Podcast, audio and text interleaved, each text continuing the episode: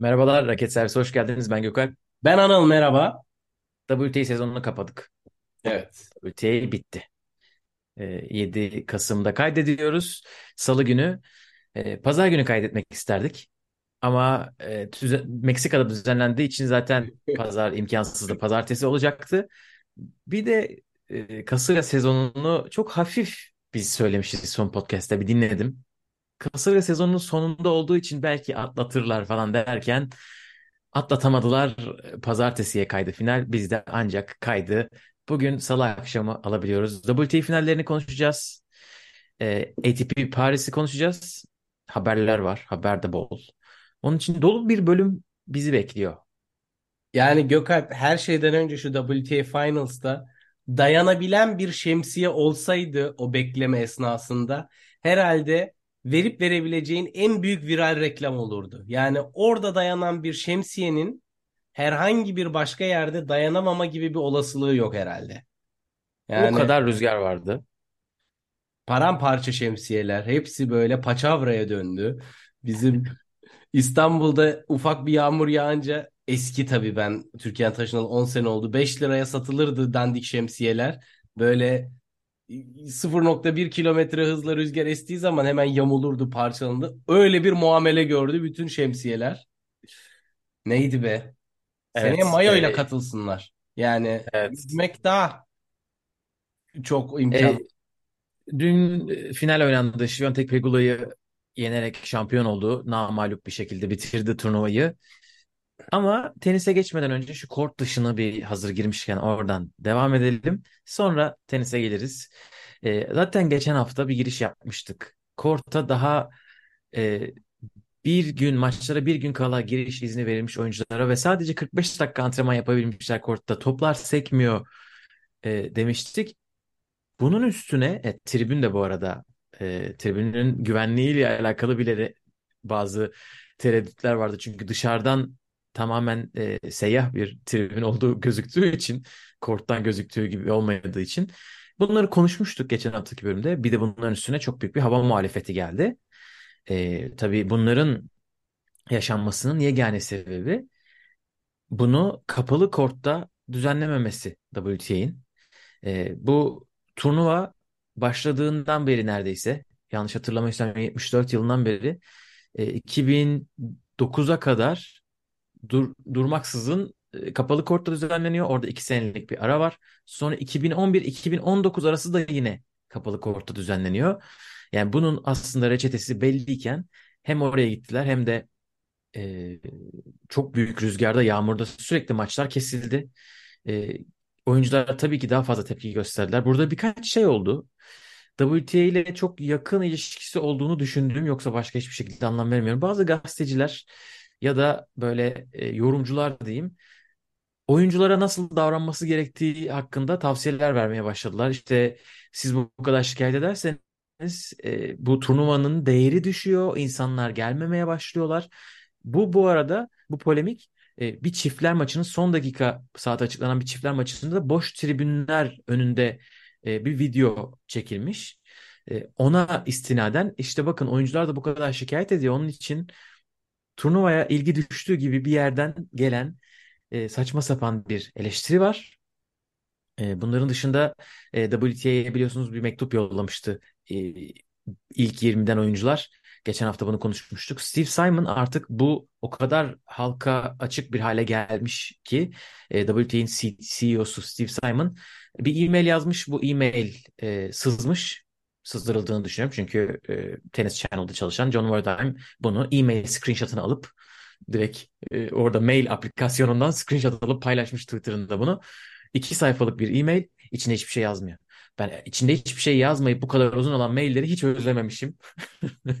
Kurumsal Gerçekten. hayattan geriye kalanlar diyorsun. Gerçekten e, bütün e, bu sizin bize söylediklerinizi ya yapıyor ya da yapıyor yapıyoruz ya da yapıyor olacağız gibi bir şey yazmış Steve Simon. Bomboş iki sayfa e, bu şekilde herhalde kort dışını toparlayabiliriz diye düşünüyorum. Yani büyük rezalet. Zaten Navratilova da çok net açıklamasını yaptı e, bu işin. Valla ben de katılıyorum. Bu kadar ayyuka çıkmış rezillikler, e, organizasyonel başarısızlık. e, oyuncuların maddi anlamda geri kalmış olması. E, çünkü ATP de bugün yeni şeyler açıkladı böyle Masters turnuvasında vesaire. Onun üstüne bir taraftan ATP'de bakıyorsun 5 sene nerede oynanacağı belli. Çok daha hem organizatöre karlı bir iş hem herkese planlama, pazarlama açısından müthiş kolay. Ee, böyle baktığın zaman teniste zaten belli bir seviyenin altında kalan pazarlama kalitesinde 5 seviye aşağıda kaldığın zaman yanındaki o ortalama organizasyondan bile diyorsun ki yani sanırım bu iş dışında başka bir şeyler daha uygun gibi Steve Simon'a. Ee, bir de yani şu var tabii ki hani Peng Shuai olayından dolayı da bu olaylar biraz zorlaştı. Çok Asya'da Doğru. yapılıyordu bu işler. Hani orada çok doğru bir etik duruş vardı. Ama Ve yani 2030'a kadar orada düzenlenecekti. Öyle bir anlaşma vardı. ve ama yani şimdi e, Beach'in bitti. Dünyada ülke mi kalmadı WTA finallerini oynatmak istemeyecek? Yani Üç tane adaylık gelmiş. Hani Temmuz'da yazın konuşulan e, haberlere göre. E, bunların bir tanesi Suudi Arabistan. Ki Suudi Arabistan'ın uzun zaten vadeli bir teklif yaptığı söyleniyor. Ve uzun, önümüzdeki sene e, kabul edecekler gibi gözüküyor. Çünkü WTA işte Steve Simon e, bu senenin sonunda açıklamayı hedeflediklerini söylemiş. 2024 WTA finalleri e, ne- nerede düzenleneceğini. Suudi Arabistan'ı tabii şu anda e, politik iklimden dolayı ve imajının yeterli e, seviyede olmamasından dolayı kabul etmiyorlar. Ha bu arada ATP Next Gen finallerini Cidde'ye taşıdı. Bu sene hı e, hı. Kasım sonunda Cidde'de oynanacak. E, Suudi Arabistan bir sürü başka şey de yapıyor. Ama e, WTA buna hazır değil. E, bir diğer yer Ostrava. Ostrava'da e, olup olmayacağını açıkçası anlaşılan oyuncular karar vermişler gibi biraz öyle de gösterdi bazı medya mensupları. Çünkü oyuncu konseyi oylamış Ostrava ve Cancun arasında. Cancun'u seçmişler. Cancun'u seçmelerinin tek sebebi Ostrava'ya Rus ve Belaruslu oyuncuların girememe riskinin yüksek olduğunu düşünmeleri ve Sabalenka ve Zvonareva'yı gözetmeleri. E, oyuncular orada birlik oldular diye hani Cancun'u siz seçtiniz. Alın size Cancun diyen e, bazı yazarlar da vardı. Çok absürt. neresinden tutarsan elinde kalıyor. Yani e, aslında tabii bu süre gelen pazarlama başarısızlığının gelen tekliflerin de böyle olmasının bir sonucu. Yani eldeki teklifler buydu, o yüzden böyleydi. Bence bir işin çıkış yolu değil. Birinci soru nasıl bir e, şartname vardı ki bu teklifle şey bu turnuva düzenlemesi konusunda ne kadar bir zaman vardı ki taleplerin sayısı böyle. İkincisi niye siz talep bu kadar senenin yani yapıp yapabileceğin en büyük organizasyonun pazarlama seviyesinin Ostrava, e, Cancun ve e, Suudi Arabistan arasında sıkışıp kalması gibi bir duruma Evet. bırakıyorsun. Benim bu arada tek spekülasyonum Suudi Arabistan'a evet demek üzerelerdi ve e, gelen tepkilerden dolayı son dakika iki adayı çıkartmak zorunda kaldılar. Ben böyle bir e, tahminim var. Ostrava'da bu arada çok iyi bir turnuvaydı hatırlıyor musun? Geçen sene muhteşemdi bence Ostrava'nın atmosferi. O evet Krejcikova Świątek finalini unutamıyorum. Hani e, dop dolu çok da güzel düzenlerlerdi. ve havada tabii soğuk olsa bile orada altyapı abi Cancun'da adam prefabrik kuruyor. Yani oraya ne yapacaksın? Tente mi koyacaksın? Hani eee, şey gibi. Evet. Artık ha- sauna efektiyle oynar oyuncular. Orada bir terleme yapıyor çatıdan geliyor içeride yüzde 95 nem. Sanki Ağustos ayında Ama Antalya'dayız. Şey, ama otel güzelmiş. E, otele e, bütün çalışanlara e, çünkü o, lokal organizatörlerin yapabileceği bir şey yok yani. Onlar yok. yapabilecekleri en iyisini yapmışlar.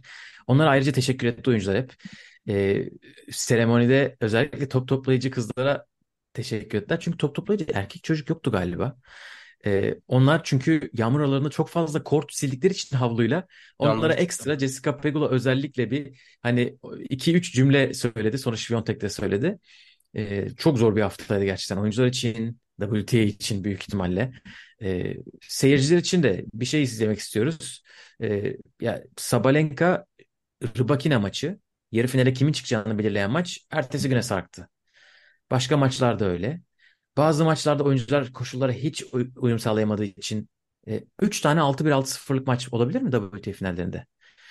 Çok net yani bu işin odaklanma kaybı, motivasyon kaybı e, veya işte fiziksel olarak ritim bulamamak. Sonuçta bu insan saat kaçta kalkacak, kaçta yemeğini yiyecek, kaçta ön antrenmanını yapacak, e, kaçta Evet. masajını olacak, kaçta korta çıkacak. 8 tane oyuncu var orada yani bunun bu kadar karambole belirsiz bir şekilde olması yani slamlerde diyoruz ki bu belirsizlikler geç saate sarkmalar şöyle böyle kötü veya işte Paris'i de yeri gelecek gömeceğiz. Ama yani Serdar Evet. Ortaç gibi yani epi topu 8 tane oyuncu var. Hani yani bunu ne kadar zor olabilir ki abi bunu organize etmek? Yaz yağmuru diyerek Ne diyeyim? Serdar, Serdar Ortaç'a Hayır da yani selam söyleyelim. Cancun sen niye başvuruyorsun? Bu arada Serdar Ortaç'ın Meksika'da e, çıkardığı İspanyolca albüm falan geldi aklıma. Çok fazla şu anda.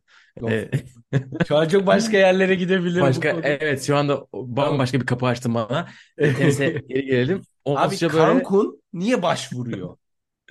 Hadi bu Cancun Meksika sen başvurdun. WTA sen bir Allah aşkına weather.com'a girip bir iki saniye bir bakamıyor musun? Yani bu şey yapamazlar gibi işte. Oldu işte. Hani yaptık bu, bu da başarıdır diye düşünüyorlardır büyük ihtimalle. E, hani ki yağmur duasına çıkıldığını biliyorum. Kuraklık duasına da biz çıktık ilk. Yani kuraklık duasına herhalde tarihte ilk defa çıkılmıştır. E, Onsya böyle turnuva başlangıcı basın toplantısında diyorlar ki bu seneyle alakalı değiştirmek istediğin ne olur? Üç şey veriyoruz diyorlar. Üç tane işte dilek. Bir diyor Wimbledon'ı kazanmak. Finalde kaybetmişti. İki diz sakatlıklarımın olmaması. Üç bu turnuvadaki merkez korta çarşamba günü itibariyle antrenmanlara başlayabilmem. Hani o kadar sinirlerini bozmuş oyuncuların. E, deyip istiyorsan tenise geçelim. Çünkü bu konu Evet. uzadıkça uzar. Evet finalde Iga Świątek Jessica Pegula'yı 6-1 6-0 geçti. İki namağlup isim finalde oynadılar. Grup liderleri e, yarı finallerinde kazanıp gelmişlerdi buraya. Bu maçtan önce aslında bu sene Pegula Świątek'i iki defa yenmişti. E, sene başında 6-2 6-2 geçmişti. Ondan sonra e, Kanada'da çok yakın bir final kazandı. Çok yakın bir maç kazandı. E, toplamda da e, 5-3 Świątek'in üstünlüğü vardı. Ama Świątek kazanmayı başardı. Finaller tarihinin, WTA finalleri tarihinin en tek taraflı final maçı tabii ki. 6-2 Kan 6-0 oldu. olmuş. Ama bu olmamış. E, gruplara geçildiğinden beri 2003 yılından beri de toplamda en az oyunu kaybederek şampiyon olmuş Iga Świątek 20 oyunla. En yakın isim Serena Williams 2012 yılında 32 oyun. Hani aradaki fark Serena'nın herhalde tavan sezonu diyebiliriz 2012'ye. Hakikaten o 2010, 2013, 2012-2013 dönemi çok alev almıştı. Ee, Evet. ama burada Ama Sinan Erdem'de tabii ki herkes çok iyi tenis oynadığı için öyle 6-1 6-0'lar kolay olmaz diye buradan hemen kendimize yazalım. hop WTA İstanbul seneye. E, Świątek tabii ki çok önemli bir unvan maçına çıktı. Hani Pegula maçı olmasına rağmen e, kazandığı anda Yalın. dünya bir numarasını geri alacaktı. Keza aldı. E, son haftada kaparak sene sonunu bir numara bitirmeyi hak kazandı. E, Arka arkaya sezonlarda bir numara olan en genç 6. isim olmuş. Daha genç 5 kişinin bunu yapması olmasına şaşırdım açıkçası. Ama e, WTA'de sırasıyla olabilir ya. Yani Evet. Yakın zamanda çok yok zaten. En yakın ya 2000'lerde bir tek Wozniacki var. Daha genç olup arka arka sezonlarda bir numara bitiren. Ona da şaşırdım. Unutmuşum onun tamamen öyle bir istatistiği olduğunu. Ee, Amerika açık sonrası iki numaraya düşmüştü. 7 hafta sonra bir numarayı geri almayı başardı. Ee, neler dersin Świątek için? Oradan başlayalım sonra diğer isimlere geliriz istersen. yani hani biraz da sezon sonu kapanışı olduğu için bir tık daha genele alayım. Yani Tamam. Świątek'in böyle seneye başlangıcı, beklentiler, maç kaybetmeye başlaması, bir numarayı kaybetmesi ve aslında kağıt üstünde baktığın zaman öyle herkesin Iga'yı hayranlıkla konuştuğu bir sene olmamasına rağmen yine seneyi bir numara kapatmayı başardı. Finalde çok tek taraflıydı. Zaten sadece finali değil turnuvada da çok terak, tek taraflıydı maçları. Çok rahattı her açıdan yani zemin, hava artık nasıl bir kombinasyonsa tamamen Iga müthiş rahat hareket etti. Ama işin geneline baktığın zaman Iga'yı her zaman üste tutan bir şey hani en kötü hali bile büyük turnuvalarda çeyrek final, yarı final, final görüyor. Hani hep elinde kupa olmuyor ama o puanlar toplanıyor ve herhalde Sabalenka müthiş bir sezon geçirdi. Kariyerinin büyük bir sıçramasını yaptı. Bir numara yükseldi ama ona rağmen round robinlerde de çok iyiydi Sabalenka. Bir maçı kaybetti ve bir numara gitti. Yani öyle bir e, makas var yukarıda diğer taraflarda sakatlıklarla da boğuşulmasından ötürü. Ama WTA'de e, ben hani bu kadar rekabet bu sene geçen sene göre çok daha yukarı çıktı. Şampiyon, Slam şampiyonları çok farklı. E, Masters şampiyonları çeşitli. Öyle uz- uzun galibiyet serileri yok. Ama işte belki de Świątek'in fit kalabilmesi ve oyununa hep bir şeyler ilave etmesi e, bu konuda çok önemli. Keza geçen seneye göre kısa olsa da daha iyi bir çim sezonu geçirdi. Onun haricinde sert zeminlerde çok daha üst istikrarlı sonuçlar aldı. Özellikle sezon başına çok fazla orada yine puan topladı. E, ve bundan dolayı da Hani şu anda bir tık önde görünüyor ama hani bir ritim bulduğu zaman yine Rybakina olsun, Sabalenka olsun, e, Ons olsun. Gerçi Ons o kadar ters gelmiyor bence e, Świątek'e. Ama orada hep bir tehdit e, devam ediyor. Muhtemelen benim hani Pegula'nın söylediğini e, Świątek hakkında bence tersten de söylemek mümkün. Çünkü Pegula'ya, ya Pegula Świątek'e senin seviyen beni daha iyi oynamaya motive ediyor, benim geliştiriyor dedi. Bence bu sene e, rekabetin biraz daha çetin olması ve Świątek'in bazı kazanması gereken maçlarda gerçekten o kadar kötü kötü oynadığı çok e, şey büyük maçlarda oldu yani. Özellikle o forehand paralellerin çok aksadığı böyle normalde rallide doğru yapabildiği işleri yapamadığı dönemde eskiden kotarabiliyorken bu sene yükselen seviyeyle e, bu konuda bence kendini geliştirmek zorunda kaldı ve WTA finallerinde bunun ekmeğini de yedi. Çünkü rally'nin çaprazı paraleli fark etmeksizin e, çok istikrarlı ve az hatayla oynadı bütün turnuva boyunca ve buna birinci servislerin oyuna giriş oranı ve derinliği de eklenince e, çok tek taraflı geçti maçlar. E, tabii ki bu hareketlilik ve bu kondisyon yoğun tenis takviminde illaki yine sekteye uğrayacak. Ama bu oyun yapısı tabii ki bir numarayı şu anda 75 hafta oldu sanırım. E, epey bir 10-15 hafta daha en az özellikle takvimin savunulacak puan e, kısmının az olduğu dönemde e, Iga'yı yukarıda görmeyi bekliyoruz. E, bence rekabet kaliteyi de arttırıyor. E, bu açıdan da iyi oldu. E, hani Federer, Nadal, Djokovic üçü birbirinden besleniyor. WTA'de Tabii. de ona benzer bir ortam oluşuyor. Her, Pe- tabii her rekabette. evet. Pegula'da da e, burada özellikle sert zemindeki e, seviyesini bir kez daha net bir şekilde görmüş olduk. E, madem WTA finallerine artık abone sayılır, Baban milyarder kardeşim. Al şu turnuvayı, al şu organizasyonu, hepimizi rahatlat. Bunu da bir yerde okumuştum böyle bir dilek olarak gerçekten ben de ah evet ya tenisin kurtarıcısı Pegula olabilir diye düşündüm. Ama özetle Çatışmalarının maksimum seviyeye çıktığı bir turnuva olur. Büyük ihtimalle öyle bir şey olursa. Ee, Evet. Alakalı şöyle bir durum var tabii ki. Dünya bir numarası ama hani geçen seneki gibi tartışılmaz bir numara olarak bitirmedi. Yok, makas yok. Ee, Evet. çünkü Sabalenka ile arasında inanılmaz az puan farkı var ve Sabalenka 3 turnuva az oynadı. Hani ilk onda en az turnuva oynayan iki isim Muchova ve Sabalenka 16 turnuvaları var. Świątek 19 turnuva oynadı. Zaten buradan önceki e, basın toplantılarında da Świątek şeyden bahsediyordu. Ben geçen sene hani bu Federer'in de lafı vardı 2006-7 zamanları ben bir canavar yarattım. Hani insanlar artık kaybettiğim zaman dünya tersine dönmüş gibi davranmaya başlamışlardı. Böyle bir sezon, normal bir sezon geçirdiğim için mutluyum diyor. Normal bir sezondan bahsettiği e, bir Grand Slam, bir Masters şampiyonluğu, yani bir binlik turnuva şampiyonluğu vardı bugüne kadar. Bir de WTA finalleri tabii. 3 tane büyük turnuva kazandı yine bu sene. Ama geçen sene 2 Grand Slam 4 binlik turnuva kazandığı için ve o acayip 37 maçlıktı galiba o serisinden dolayı. Evet. Tabii beklentiler fazla yükselmişti. Ee, sen bir yerde söyledin. Ben biraz daha turnuva özelinde konuşayım Şiviyontek'le alakalı. Ee, bir kez e, rüzgarlı maçlarda da rüzgarsız maçlarda da çünkü Şiviyontek'in hatırladığım kadarıyla hem yarı finali hem de finali gayet iyi koşullarda oynandı.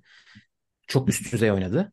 Evet. Çok güzel e, kafasını toparlayabildi. Çünkü bence burada zaten oyuncular da basın toplantılarında hep söylemişler. Mental olarak kendini e, yani korta küsmeyen, şart, maça turnuvaya küsmeyen oyuncular biraz daha e, kalabildiler yukarıda. E, mesela Rybakina çok şeydi. E, çok etkileniyordu. Büyük ihtimalle servisi çok etkilendiği için rüzgardan. Onu çok gördük zaten. Maç maç dışına çok çıktı kafa olarak. Sabalenka mesela o kadar değildi. Şiviyontek bence hiç değildi. Goff, Pegula zaten Pegula şartları çok iyi kullandı da. Ee, ama Şiviyontek özelinde bir o durum var. Bir mental taraf var. Bir geçen seneki kadar yorgun olmamasının verdiği bence bir e, hala açlık da var sezon sonunda. E, burada e, çok büyük şeyler kazanarak gelmedi. Özellikle e, Fransa açıktan beri Pekin'i kazandı. Hani bir o turnuva var. Ondan sonra burada kendini zaten ispatlama e, durumu vardı. Ama bir numara baskısını e, üstlenebilmesi bir benim için acayip bir e, durum. Çünkü çok ucu ucunaydı ve iki maç kazanması gerekiyordu. Sabalenka maçını ki o bir numara maçıydı zaten e, yarı finaldeki. Bir de finali kazanması gerekiyordu. Hani o belirleyici maçları kazanmış olması bence çok değerli. Bir de bence Şiviyontek'le alakalı bu konuşulmuyor. Gayet fiziksel bir oyun oynuyor ve geçen seneki kadar işte yoğun değildim falan filan gibi bir şeyler söylüyor sanırım ama geçen seneden bir fazla maç kazandı Şiyontek. Hani o efsane sezeden seneden fazla maç kazandı. Fiziksel olarak müthiş durumda. Hani senenin sonunda çok büyük bir sıkıntısı olup da e, konuştuğumuzu hatırlamıyorum. Şimdi Alcaraz'ı düşününce benzer e, yaşlardalar. Benzer başarılar, benzer başarılar demeyeyim. Şiyontek'te 4 Grand Slam var. E, inanılmaz bir bir numara serisi var. Onu söylemeyeyim ama hani profil olarak karşılaştırabileceğimiz profiller ve Alcaraz'la alakalı haftalar boyunca senenin başında, ortasında ve sonunda olmak üzere e, söyledik. Djokovic'in baş, geldiği zaman da böyleydi. Nadal'ın da öyle. Ama Świątek o kulvarda müthiş gidiyor. Bu arada Pegula da öyle. Pegula da yüzden fazla maç kazanmış bu sene. Tekler çiftler toplamda. E, ve e, fizyoterapistsiz geziyormuş. Onun için çok değişik iki isim. Çok E, iyi. Świątek'i de bu şekilde. E, bir de şunu ekleyeyim. İlk kez bir dünya bir numarasını yenmiş Świątek. Çok acayip geliyor kulağa. Tabii bu Barty'nin birden çekilip gitmesinden Evet. de kaynaklanıyor. Çünkü Barty ile iki defa oynamışlardı. Onu yenememişti. Ve sonra bir numara kendisi olmuştu zaten. Hani Ondan e, öncesinde turda yoktu. Yani bir evet. numarayla oynayacak seviyede maçları dahi yoktu zaten yani. Evet. Aynen zaten direkt Barty'ye geldi ve sonra bir numara oldu kendisi. Bu hafta Sabalenka'yı yenerek de bir kez bir dünya bir numarasını geçmiş oldu.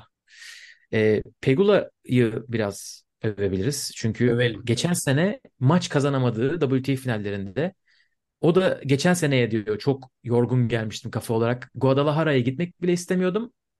Ne olduğunu anlamadan kazandım turnuvayı. O geçen sene son binlik turnuvası koymuşlardı Meksika'ya belki hatırlarsınız. Evet evet. Orayı kazanıp Texas'a gittiği için yeterince motive olamamıştım. Hatta çiftlerde de maç kazanamamışlardı. Bu sene de kazanamadılar Goff'la beraber. Evet. Ama bu sefer bambaşka. Ee, çok değişik bir istatistik yakaladı Jessica Pegula. Ee, bu sene ilk setini kazandığı maçların 52 olması lazım. Tamamını kazandı. 52 maçın tamamını kazandı ve 50 maçın üstünde bu istatistiği yapabilen 2000 yılından beri sadece iki kadın var. Biri Lindsay Davenport 53 2001 yılında. Biri de Az- Azarenka 2012 yılında 60 maçı kazanmış hiç kaybetmeden ilk setini aldığı. Ee, çok iyi bir istatistik. Bunu Federer ve Djokovic yapamamışlar. Tabii Grand Slam'ler 5 set üzerinden oynanıyor. O onu söylemek lazım. Ama yine de onların öyle bir sezonu yok. Ee, çok ilginç bir istatistik. Ee, ve aynı turnuvalarda 1, 2, 3 ve 4 numarayla karşılaşan ilk insan, ilk WTA oyuncusu olmuş. Ee, 73 yılından beri. Zaten o zaman çıktı rankingler. Yani evet Chris Evert'tan beridir. Ama yani hakikaten e, Pegula'nın ben işte hani oyunu gerçekten tam bir tipik Amerikan gibi e, sert zeminde çok iyi, çok uygun. Çünkü bütün hayatları sert zeminde geçiyor. Ee, işte onu diğer zeminlere de aktarabilirse zaten o zaman e, çok büyük bir tehdit olacak e, turun Evet. genelinde. Yani e, onun Bence haricinde aktaramamak için hiçbir sebebi yok bu arada. evet yani Dümdüz o vuruyor tamamen ve alışkanlıktan bence. Yani file o oyunu ama bir de şöyle düşün çeyrek finalde 4-1 öndeydi Vondrousova'ya karşı son sette. Hani e, Vondrousova şampiyon oldu. evet Hani Pe- Pegula için başka bir yere gidebilirdi. Bence şimdi bir şeyler olabilir. E, ki zaten Avustralya'da her yerde çeyrek finali var. E, dediğin gibi farklı yerlere de gidebilir iş. ya ben, e, işte bence zaten hani e, Çim'de ufak taktiksel ayarlamalar yetecektir diye düşünüyorum. Çünkü tabii Çin biraz daha kayıyor. Özellikle Slice'ın biraz daha devreye girmesi vesaire. Toprakta benim tahminim, şimdi istatistikler yok önümde ama e, oyun stili olarak biraz tabii sabırsız ve agresif bir oyun sert zeminden gelen. E, bu da e, aslında tekniği ve yapısı ve yapabildikleri müsait olmasına rağmen biraz e, orada işin genel rally beklentisi sıkıntıya e, sokabiliyor. E, bu da tabii ki biraz daha o zeminlerde vakit geçirerek geçecek olan bir şey, daha toparlayacak olan bir şey.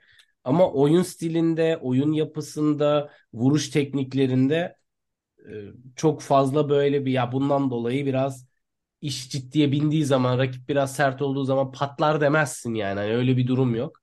Bence Toprak biraz az spin istiyor. Çünkü yoksa bence rally toleransı çok yüksek Pegula'nın. Hani basit hata az yani çok aşırı böyle e, vuruşlara gitmiyor.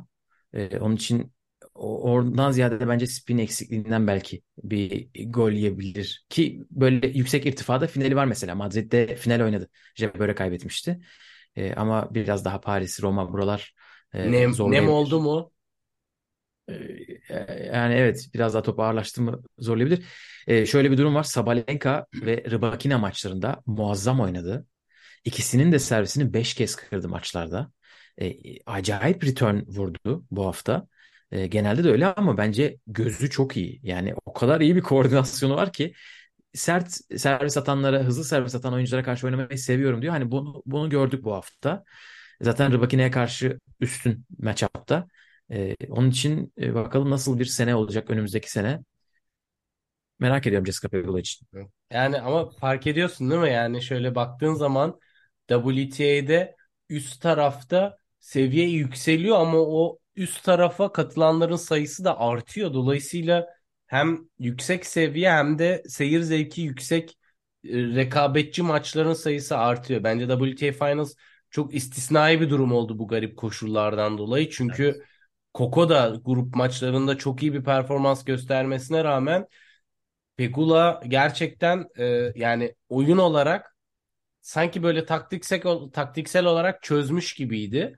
E, özellikle forehand tarafını en son US Open'dan beri bu kadar açık edildiğini ben Coco'nun görmedim. E, onu da anlayamadım. Orada gerçekten çok Świątek fazla maçında da öyleydi. efendim.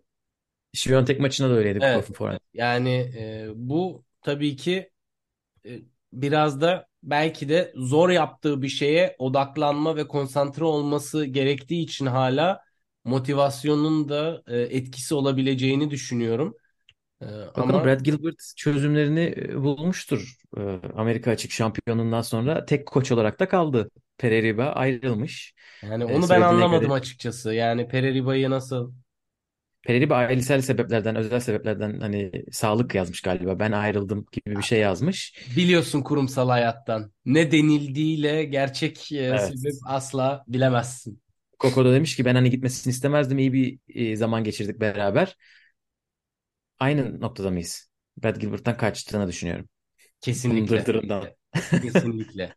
Yani orada winning ugly e, dediğin şey Orada da yapmış. evet. A- Koçlar arasında da oynaklı yapmış. Ya hayır bir de şimdi yapı itibariyle muhtemelen argümantasyonu çok yoğun ve tartışmayı seven bir karakter Brad Gilbert'ta. Hani böyle uzlaşma, fikir birliği, ortak coaching yapılabilecek bir adam değil bence. Bir Yani de böyle oyunla alakalı temel konularda belki zıt evet. görüşleri vardı.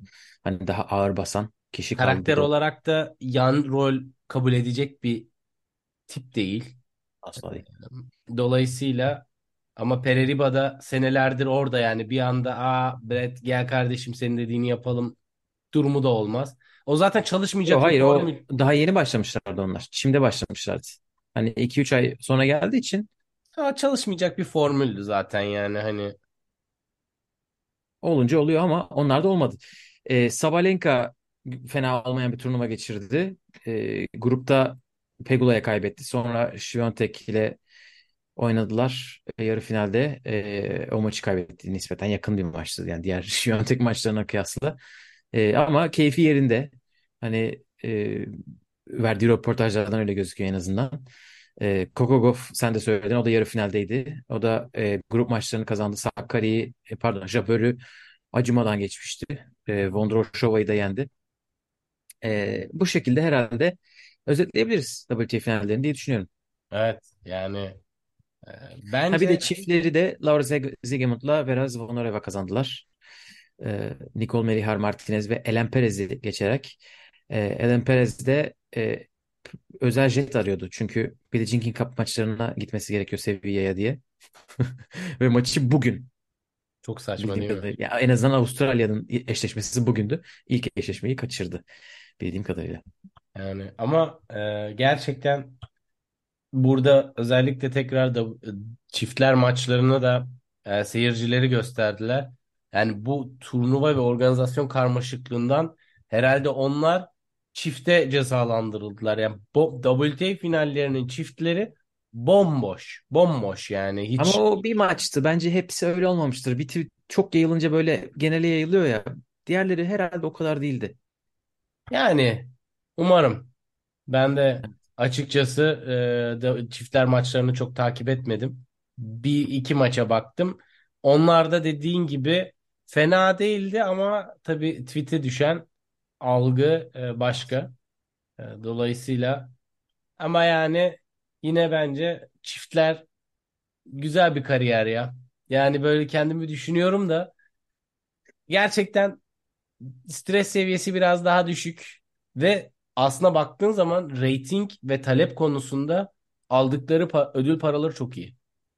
Yani tabii ki daha geride ama yani bence Yani çiftlerin genel olarak bir bence ilk pazarlama onda sıkıntısı olman var. lazım. Bence ilk onda olman lazım paranın iyi olması için. Evet. E Grand tabii Slam yani. şampiyonu ol- olman lazım. Yoksa Ya takım abi başına bölüşüyorsun her şeyi. turnuvaların yaptığı muameleyi de düşünsene. Yani Grand Slam'de çiftler finali oynuyor, oynanıyor ve böyle erkekler finalinden sonra falan böyle garip e, yerlere konulabiliyor böyle. Zaten Kimse... o rütbesi belli olduğu için eskiden beri oyuncular da bunu bile bile giriyorlar. Evet. Ee, ATP'de Paris Masters oynandı. Senenin son Masters turnuvası. Djokovic zor zor maçlar oynadı. İkinci turda pardon ya da üç, üçüncü Tenis turda. Çeyrek oynamayı özlemiş finalde. diyebilir miyiz? Böyle uzattıkça uzattı. Herhalde evet ondan olabilir. Üç maçı 3 sete gitti. Tiebreak'le 7-5'li setler ucu ucuna gelen maçlar. Sonra finali açılış gibi yaptı. Rahat bir maçta. Dimitrov'u geçti 6-4 6-3 ile. Ve birkaç tane rekor saymak istiyorum. Ee, her e, hafta Djokovic bölümümüzde rekor saydığımız gibi 40. Masters şampiyonu. Bir dakikalık saygı duruşu. 7. Paris şampiyonluğu. Ee, bunun dışında en yüksek kazandığı Roma ve Miami'ymiş 6. Bu yıl 6. ATP kupası. Toplamda 97. şampiyonluğu. Ne ara oldu bu? Ben kaçırmış. Ben 24 slam'i olduğunu görünce 24'ü bile unutmuşum. O 24 timsahlarını falan bile unutmuşum. Hani o kadar unuttum. Ya geliyor, kupa alıyor, sonra tekrar tatile çıkıyor. Biraz öyle bir modda. Dolayısıyla hani böyle devamlı turda olmadığı için unutmak normal. Evet ya 97 şampiyonluk. E, bunların 70'i büyük şampiyonluklar. Yani 24 Slam, 6 ATP finalleri ve 40 Masters. Yine Çok 97'nin 70'i 1000 ve üstü. E, biliyorsunuz belki de bilmiyorsunuzdur. En çok kupa kazanan Jimmy Connors 109 kupayla Evet. ATP'de. Ve buna dair bir açıklama yapmış Djokovic bir Sırp gazetesine. Demiş ki ben Connors'a doğru gidiyorum. Ben bütün rekorları kırmak istiyorum. Kırabileceğim her rekoru kırmak istiyorum. Benim hiçbir zaman bunu söylemekle alakalı bir problemim olmadı. E, ve insanlar beni bu yüzden sevmiyorlar. Ben başkası olmaya çalışmadım. E, öyle bu benim hedefim değil. E, başka davranayım yapmaya çalışmadım. Her zaman inandığıma e, inandığımla aynı noktada olmaya çalıştım diye e, Jimmy Connors'ı hedef alan yok şaka yapıyorum. Jimmy Connors olayla alakası yok. 109 rekorunu da kırmak istediğini söyleyen bir Biraz orada açıklamayla Nadal'a mı laf çarptı? Bana biraz öyle geldi Gökalp açıkçası. %97 demek istiyorum 97. şampiyonluğun şerefine. E, %97 Nadal'a laf çarptı. Nadal çünkü birkaç hafta önce ben rekorlar için oynamıyorum e, gibi hani Novak bundan motive oluyor. E, ben daha çok hani oynayıp kazanmak, kendi tenisimi işte geliştirmek daha soyut şeyler için oynuyorum demişti rekorlara kıyasla. Djokovic de bir ayrı bir yerde buna cevap vermişti. Bir de burada güzel. Hoşuma gitti. Yani e, Mısırımı patlattım ve röportajı okudum. şimdi gerçekten bekliyoruz. E, Evet ama böyle Nadal'a direkt bir şey söylemiyor da hani anlaş, anlaşılmaması zor tabii onu bilenler için. Evet. Ee, Wimbledon'dan beri maç kaybetmedi Novak Djokovic. Carlos Alcaraz maçından beri. ben ha, devam et. Ve maçların e, final öncesi bütün turnuva istatistiklerinde birinci servis kazanma, return kazanma, return kazanma bakın. Return oyunları kazanma hepsinde Dimitrov üstündü.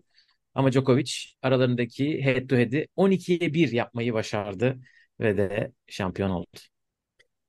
Yani zaten finale Dimitrov çıkınca dedim çok yani aslında çok izlemeye de gerek yok. İlk sette biraz direndi ama yani oyun taktiksel yapı olarak zaten Djokovic'i hardcore indoor'da zaten yenmek çok zorken hani bunu zorlayabilecek isimler yapısal olarak daha flat, Medvedev gibi, Rune gibi isimlerken Servisten çok puan çıkaran bedava. evet evet Ee, dolayısıyla Dimitrov'un zaten hani ralliye giren herhangi bir topta çok şansı yoktu. Ee, fakat şunu söylemek lazım. Evet Djokovic üçer set oynadı, zorlandı vesaire ama bunun geneli bana soracak olursan zaten çok hani ara verdi. Biraz paslandı yine. Tabii bu kas hafızası, vücut, maç kondisyonu vesaire. Bir de e, servislerinde yine her geri dönüşte olduğu gibi çünkü zaten mütemadiyen iki ayda bir geri dönüyor kupa almak için. E, hep öyle bir bir ısınma evresi oluyor. Servislerin e, de tabii ki biraz zorlanması kapalı sert zeminde servis kırdırdığın anda seti kaybetme şansın çok yüksek. Hani rebreak o kadar da kolay bir şey değil. Ee, Evet. ki tiebreak kaybetti burada. Ama e, şöyle söylemek lazım. Djokovic'i izlerken tenis çok basit bir spor gibi geliyor Gökalp ya. Gerçekten Evet. yani baseline'ın üzerinde devamlı kalıyor. Oyunun yönünü rakip değiştiriyor ama ne kadar yönünü değiştirse değiştirsin zaten top daha yere sekmeden orada hazır bekliyor. Topun yönü değişmezse zaten orada direkt blok vuruş yapıyor baseline üzerinde olduğu için hızlı vurduğuna pişman ediyor. Drop shotları çok iyi görüyor. Zaten anticipation çok yüksek. Yani drop shot atmaya da çok cesaret edilemiyor. Alcaraz hariç. Çünkü o çok üst düzey bir drop shot seviyesi. Öyle olunca Djokovic ikinci servise düşmezse çok bir umudum kalmıyor Evet. açıkçası ki Evet, çok acayip bir ilk servis performansı var bu arada bu, bu hafta. evet Hani e, şimdi bakıyorum set içeri sokma kaybetse de de yüzdesi çoğunu pardon yani set kaybetti de çok servis kırdırmadı yani. Tiebreak'lerden kaybettiğini de kaybetti. çok az servis kırdırdı. Zaten hafta boyunca bakıyorum toplamda 3, 6. 6 servis kırdırmış. E, 3'ü zaten Grigspor maçında. Yani Grigspor maçından sonra sadece 3 servis kırdırmış 3 maçta. E, şöyle e, Holger Rune maçın dışında bütün maçlarda ilk servis içeri atma yüzdesi %60'ın üstünde. Finalde %67 ve e, Rublev maçında yarı finalde %67. Bu ilk servislerin ne kadarını return yapmışlar? Bayağı azını return yani bayağı azını derken e, Dimitrov %56'sını vuramamış içeri. Rublev %49'unu vuramamış. Rune %52'sini. Grigspor %46'sını. Zaten e, maçın önemli bir kısmını e, return gelmeyen ilk servislerle kazanınca Djokovic çünkü iyi gözükmedi. Fiziksel olarak böyle yine e, yor- yorgun gözüktüğü sekanslar da oldu. Ama oralardan bir şekilde enerji bulup kendine ilk servisleri öyle bir masaj attı ki yaptırarak, e, tuvalete giderek. E, tuvalete bol bol gitmiş. Hafta içinde mide virüsü varmış. Bir stomach bug diye çevirmiş. Bu ishal diye tahmin ediyorum. Günde bir kez yemek yedim. Geri kalan her şey sıvıydı diyor. Güçsüz ve sersem hissetmiş. Onlara rağmen nasıl yapıyorsa bir gazeteci sormuş benim eşim de rahatsız ne yaptın falan demiş. Ben doktor değilim yani tavsiye veremem gibi bir şey söylemiş Djokovic. Gerçekten de bu nasıl bir basın toplantısı sorusudur. Ama insan merak ediyor hani bu kadar kötüyken nasıl çünkü patlayıcı güç gerekiyor ve ilk servis hızlarına baktım hafta boyunca çok yüksek. Bir tek Dimitrov maçında slice fazla vurduğu için biraz düşmüş. Ama hani o bir tercih olarak düşmüş. E, kondisyonundan dolayı değil. Dimitrov'u yenmek için yapması gereken o yani sonuçta onu yapıyor. Bitti. İki tarafta da forehand'e slice vurmuş. Hani hiç şey yapmadan. Ee, acayip. Tebrik ediyoruz. Bakalım Torino'da ne yapacak? Ya şimdi böyle şeyleri e, bili- biliyoruz, görüyoruz. Hani işte e, şey yapıyoruz.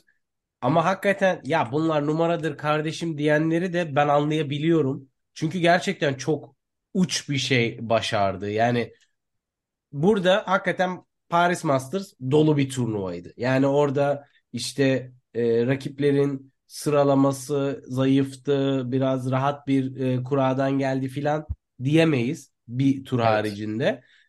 Ve hani öyle bir seviye farkı var ki hani biraz tenise ara veriyor.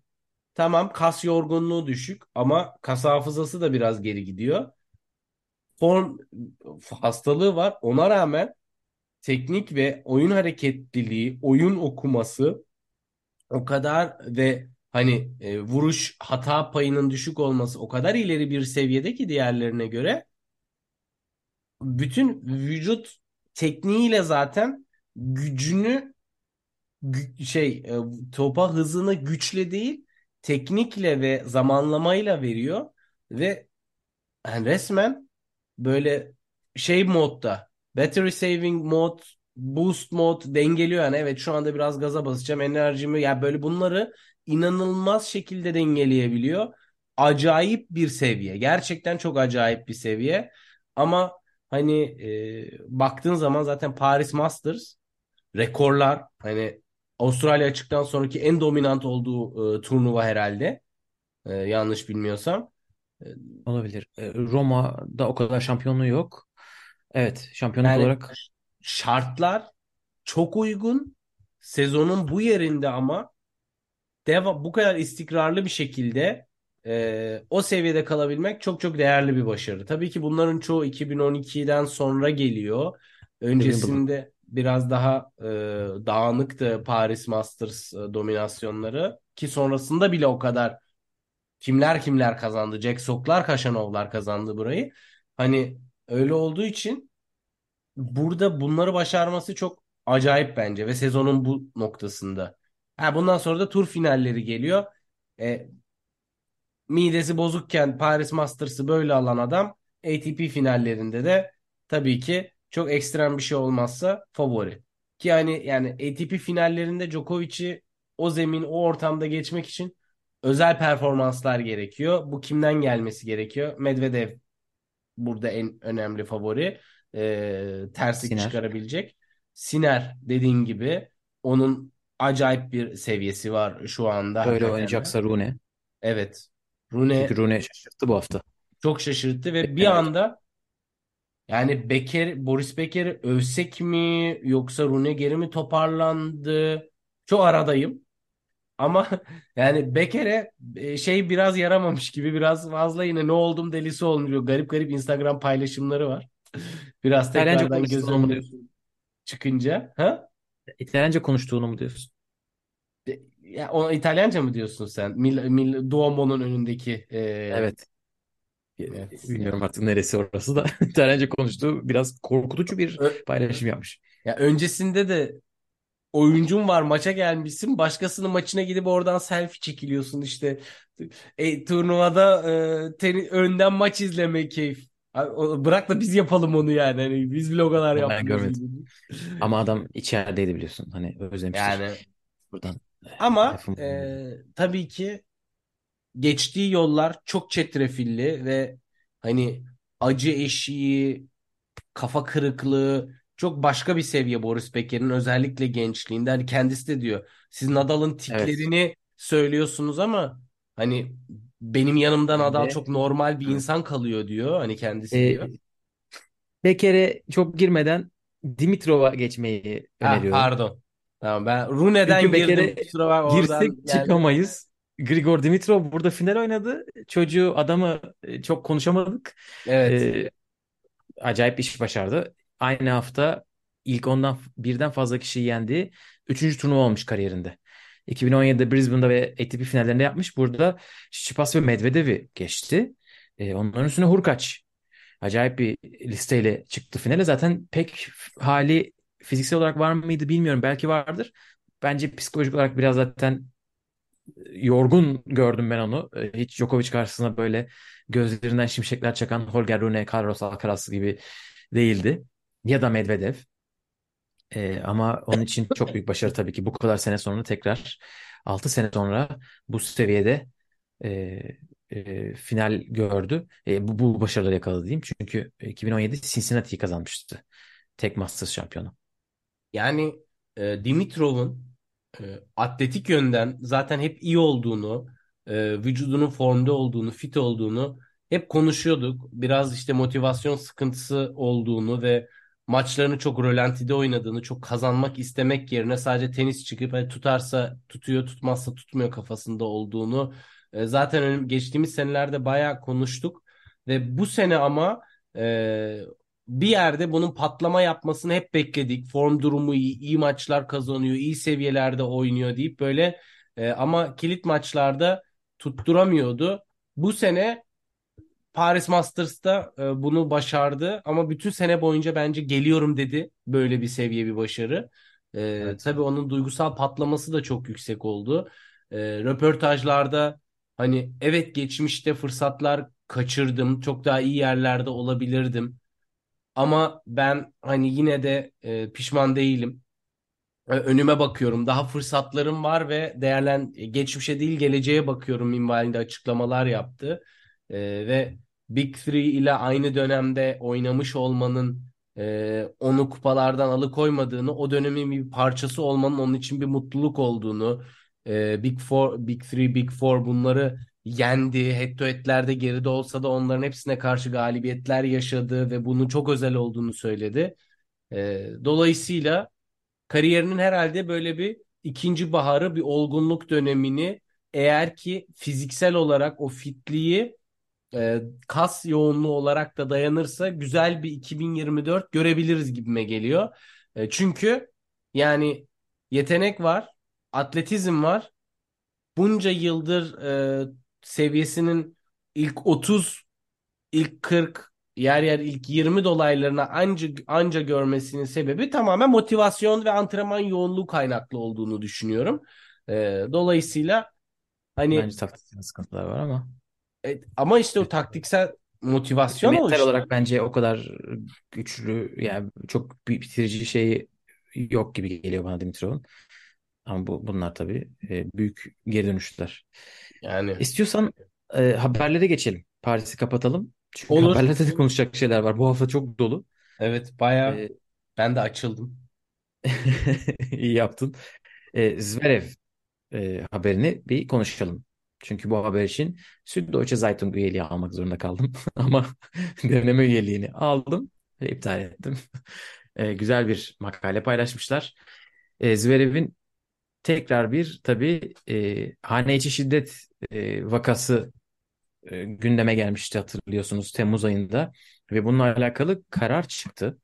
Geçtiğimiz hafta sanırım ya da geçtiğimiz haftalarda e, Berlin'de bir mahkeme, bölgesel bir mahkeme 450 bin euro ceza emri vermiş Zverev'e.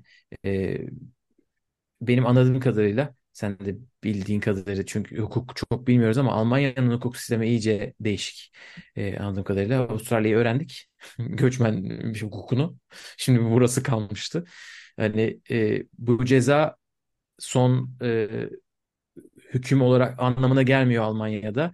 Yasal süreçleri hızlandırmak adına böyle e, minör suç de- diye e, sınıflandırdıkları e, durumlarda e, savcılık bölge mahkemesine böyle bir ceza emri çıkar diyebiliyor. Yeterli e, kanıt olduğunu düşünüyorsa ya da kendisi yeter yeterince e, bunun çıkmasına inanıyorsa bu olmuş Zverev durumunda. E, Zverev bunu reddediyor. Hem suçlamayı reddediyor hem de e, bu cezayı reddediyor. Bunun için de e, mahkemeye gidecek e, süreç şimdi. E, tabii bunlar yaşandıktan sonra Brenda Patea buradaki söz konusu e, kadın ilk defa bir röportaj vermiş. E, orada söylediği bazı şeyler var. Bir tanesi e, Zverev ve ailesi anlaşma götürmüş sessiz kalması için. Anlaşma bayağı 8-9 sayfalık bir anlaşmaymış. Çocuğunu sosyal medyada paylaşamazsın. Zverevlerin sahip olduğu bir evde yaşayacaksın. Evlenirsen bu evden çıkacaksın. İşte ilişkilerin hakkında konuşma. Eskiden eski ilişkin hakkında konuşman yasak. Zverev'le yaşadığın ve Olga Sharipova'yla yani Zverev'in diğer vakasıyla e, yaşadığı kadınla iletişime geç, geçemezsin. Böyle maddeler var ve Brenda Pate o anlaşmayı imzalamıyor. E, ve ondan sonra gazeteye gidiyor ve olayı mahkemeye de, de yani hani zaten şikayeti yapmış Ekim 2021'de. Bu arada olay 2020 baharda yaşanıyor. E, bir seneye aşkın süre beklemiş. Beklemesinin sebebi olarak ilk başta çok utandığını söylüyor. Zverev'in avukatlarından korktuğunu söylüyor. Ve çocuğunu düşündüğü için yapmadığını söylüyor. Sonra da başkalarına örnek olmak adına e, şikayet etme kararı almış. Mayıs 2020'de Zverev'in onu duvara itip boynunu sıktığını söylüyor. E, bir tatilleri ya da Airbnb'de kaldıkları zaman. E, bundan birkaç gün sonra Zverev evlenme teklif etmiş Pate'ye. Böyle değişik bir durum. Olga Sharapova kadar detay yok burada. E, ama olay yasal e, yerlerde artık mercile, mercide zaten hani e, Zverev hepsini reddediyor şu anda. E, ama e, Patea bu soruşturma sürecinde legal bir psikologla görüşme gerçekleştirmiş ve onu kanıt olarak sunmuş e, bölgesel mahkeme ceza için. Hani oradan çıka, yapılan çıkarımları e, bu şekilde herhalde özetleyebiliriz. ATP tabii ki hiçbir şey söylemedi çünkü onlar zaten bunu biliyorlar bu, bu sürecin devam ettiğini. E, büyük ihtimalle bu mahkeme sonuçlandığında herhalde topa gireceklerdir diye düşünüyorum. Çünkü ilk basın açıklamalarında evet böyle bir e, sürecin yaşandığını biliyoruz demişlerdi diye özetleyeyim. Evet yani e, zaten hani sus payı teklif etmesi 100 bin euro kadar e, Brenda'ya. Ondan sonra aynı kontrat dahilinde Sharipova ile görüşmemesini de şart koşması e, burada muhtemelen ortada yani bunlar doğruysa tabii ki yani bunlar da kesin mi değil mi hani önümüzde belgeler yok ama hani bunlar Evet. Evet. bunlar Ha, bu doğru arada dediğin dediğin çok doğru. Onunla alakalı bir ekleme yapayım. Zverev'le Zverev için şu anda masumiyet karinesi geçerli Evet. Alman hukukuna göre. Yani bunlar doğruysa ve hakikaten bunlar teklif edilmişse tahminimce böyle teklifler yazılı yapılıyordur. Hani e, ortada bir doküman vardır. Hani bu sonuçta hani gel sana 100 bin vereyim hadi çantayla hadi sus değil. Yani bunlar sonuçta o da yasal olarak susturmak istiyor sonuçta hani kendi risk almak almamak adına. Yani dolayısıyla muhtemelen bunların kanıtları zaten vardır diye tahmin ediyorum. Ama hem bu kadar büyük bir para teklif etmek hem işte güçleri birleştirmek, e, paterni birleştirmek, davaları birleştirebilmek adına e, bir olasılık olan Sharipova ile görüşmelerini filan da engellemeye çalışmak ortada çok ciddi delillerin muhtemelen olduğunu e, gösteriyor. E, yani Almanya özelinde lokal yapılan ne varsa muhtemelen e, bunlar çok büyük baş, baş ağrısı olacaktır Zverev için. Bunları inkar etmesi bile e, sıkıntı şu aşamada eğer ki sağlam kanıtlar varsa ki hani böyle yüksek bir para cezasını yerel bir mahkemeden çıkması da çok çok kolay bir şey değil sonuçta. 90 gün çarpı 5000 gibi bir hesabı var. 450 bine öyle geliyor. E, yani bunlar ufak tefek şeyler değil. Hani ben zaten açıkçası hani çok sevmesem de Ben Rothenburg'un çalışmasından beri e, Zverev'in e, bu konuda ciddi sıkıntıları olduğunu zaten bir e, diyabet olduğu sonradan ortaya çıktı. Oradaki e, görüntüler işte o şey e, diyabet iğneleriyle olan e, muhabbetler vesaire e, olayın gerçekçilik payının ne kadar yüksek olduğunu gösteriyor. Karakter olarak biz Verev'i zaten belli bir yere koyduk. Yani ben oradan çok zor dönerim. Bu kadar çok e, şey biriktirmişken e, kanıt olarak yani e, dolayısıyla e, kendisinin yeri belli. Umarım hak ettiği cezayı alır. Yani bu kanıtlar ne kadarı doğru ne kadarı yanlış bilmiyoruz ama ciddi bir e, şiddet eğilimi olduğunu ve bir artık bunu kabul edip bunun bir psikolojik bir şey olduğunu ve bunun tedavisine başlaması gerektiğini düşünüyorum. Aile Evet bakalım. kültürü de böyle olamaz yani sonuçta. Annesi çok dominant e, evde. Hani O, ondan emin değilim. Çünkü şark görüntü öyle benim nazarımda en azından ya, algı. Ben de tamamen hani biraz stereotipçilik olacak ama hani e, neyse çok Okey. spekülasyona girmeye gerek yok. E, zaten göreceğiz. Hani burada da paylaşmış olalım. Neler oldu, neler bitti. E, göreceğiz bakalım Torino'da neler yapacak. Böyle şeylerden sonra genelde iyi oynuyor. İlginç bir şekilde. Evet. O da Bitiriyor. Djokovic gibi şey moduna giriyor. Böyle şeyler beni alevliyor.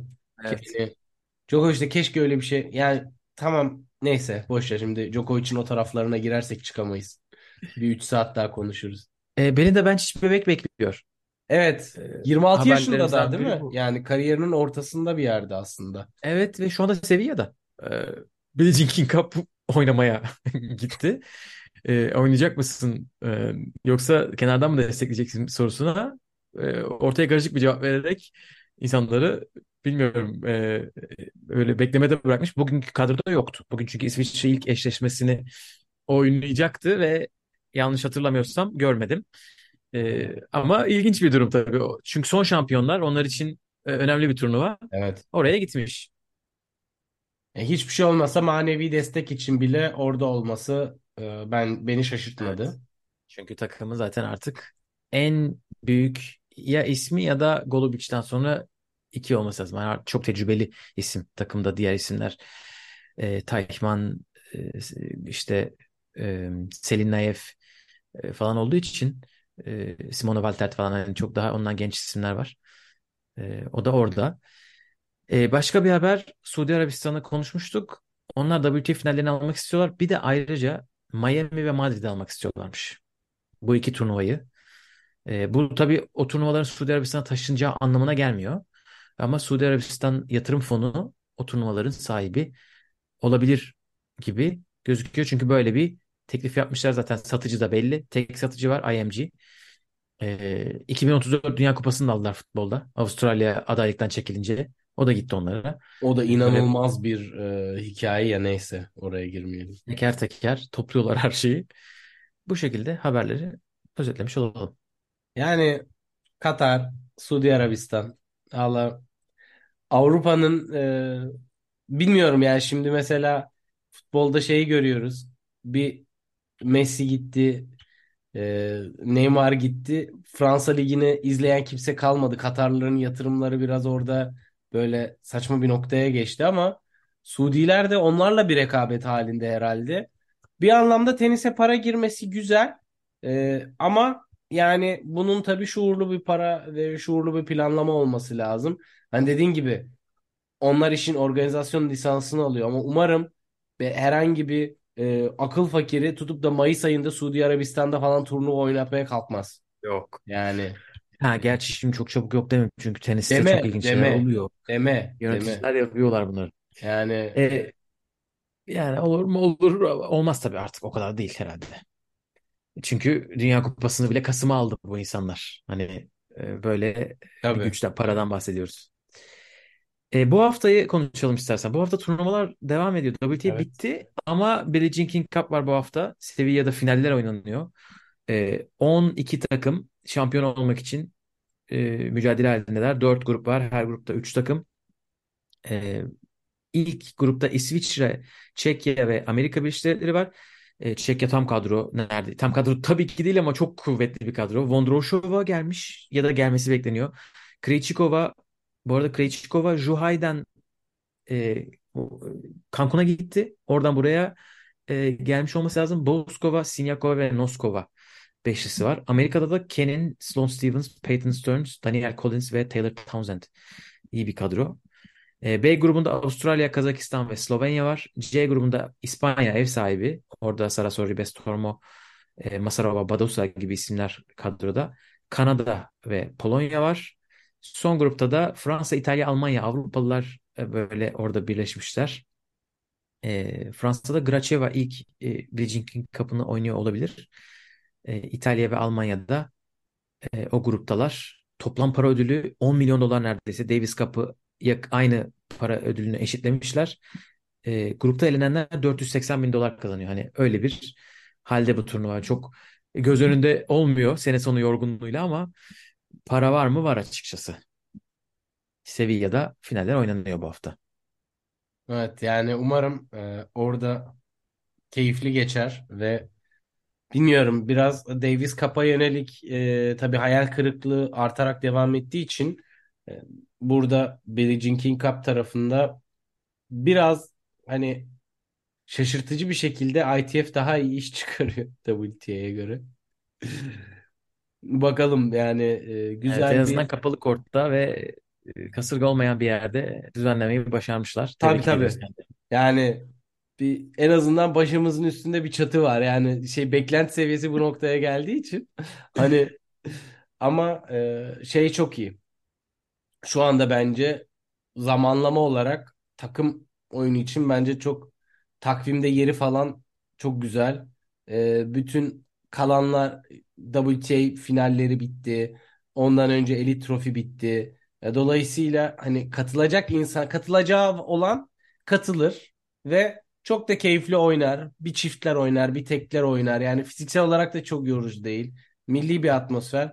Ama seyirci konusu e, bakacağım. Merak ediyorum. Bu e, Dünya Kupaları, tenisin Dünya Kupalarının e, seyirci çekme ve atmosfer yaratma konusunda maalesef her geçen sene biraz daha Zor etkisiz. çünkü ilk 20'den 30'dan çok az oyuncu var. Evet. E, İspanya ve Kazakistan maçları dışında seyirci beklemiyorum. İspanya ev sahibi. Kazakistan'da hatırlarsınız uçakla seyirci getiriyor milli maçlarına. Bu yaşandı. Onun için onlar da olacaktır. Diğerlerine bakalım neler Evet olacak. yani. ATP'de iki hafta iki turnuva var bu hafta. ATP finalleriyle Paris Masters'ın arasında iki turnuva e, konmuş. Böyle miydi? Eskiden takvimde hatırlamıyorum. Biraz garip geldi. E, Metz var. Metz Diminor. vardı ama yeri bura mıydı? İnan şu an Hayır, ezberden Şubat'ta. ben de bilmiyorum. Çok şu, böyle Metz Montpellier beraber oynuyordu. Sene Hmm. başında gibi hatırlıyorum. E, Diminor, Hachanov, Hugo Humbert ve Bublik ilk dört seri başı burada. Wawrinka ve Thiem de var Metz'te. Wawrinka Sofya'da çok da rahat ilk tur oynadı. Şey pardon, Team çok rahat ilk tur oynadı. Ben hala Wawrinka Team'in da geri döneceğine inanıyorum. Bütün maçlarını takip ediyorum. Yani o iyi bir oyunla dominant oynadı. ikisi de çok rahat geçtiler ilk maçlarını. Onun için onları heyecanla okudum. Heyecanla valla. E, Sofya'da da ilk dört seri başı Musetti, Manarino, Struff ve Baez. Burada elemede 3 temsilcimiz birden vardı. Üçü de set aldılar. Ne yazık ki ilk turda elendiler. Ana tabloda davetiyeli Cem İlkel de Sofya'da. E, bugün maçlar o kadar uzun sürdü ki onun maçına yetişeceğiz. Biz bu kaydı kapatıp siz e, sonucu öğrenmiş olursunuz dinlerken, Bir izlerken. de e, çok böyle madem Türk tenisine biraz girdik. Ayla'nın da yükselen performansı sonucu tekrardan ilk 400'e girdi. E, tabii ki kariyer yüksek sıralaması böyle e, ilk 200'e yaklaşmıştı. Slam elemelerinin ucundan dönmüştü. Sonra bir sürü şey yaşadı ama e, bu sene yaşadığı yüksek form grafiği, iyi turnuva sonuçları ve e, ilk 200, ilk 300 oyuncularına karşı gösterdiği performans önümüzdeki sene için beni umutlandırıyor. Dolayısıyla onu da buradan e, tebrik edelim ve maçlarını takip etmeyi e, yakalayabilirseniz ihmal etmeyin. Güzel bir oyun oynuyor çünkü şu anda. E, Evet, bayağı agresif bir oyunu var. Ben severim öne doğru giden oyuncu biliyorsun. Yapısal olarak. evet. Ben de hatta geçen şey düşündüm WTA finallerini izlerken. Çünkü Cumhuriyet Kızları'nda izledik Ayla'yı yeni canlı. Ee, ne yazık ki televizyon şey ITF stream'de yayını yok o turnuvanın. Senin Ee, yüklediğin üstüne videolar kadar takip edebildim ben. evet. Bir de WTA finallerini izleyince Pegula'ya benzetiyorum ben oyununu. Hani düz e, baseline'la yapışıp Tahtaya e, vurayım. e, evet. Bu güzel noktada o zaman bu bölümü kapatalım. E, haftaya bu kadar yoğun olmayacağız. Biraz rahat rahat yaparız. Çünkü sonra ATP finalleri ve de sezonu Yani kapatacağız. haftaya pazar bile yapabiliriz. O kadar rahat ki yani. Evet. Yine takvimimizin normal yerine bir dönebiliriz sanki Evet. Gökalp değil mi? Evet, hava durumuna bağlı değiliz. Evet, teşekkür ediyoruz izlediğiniz, dinlediğiniz için. Bir sonraki bölüm görüşmek üzere. Kendinize iyi bakın, hoşça kalın. Hoşçakalın.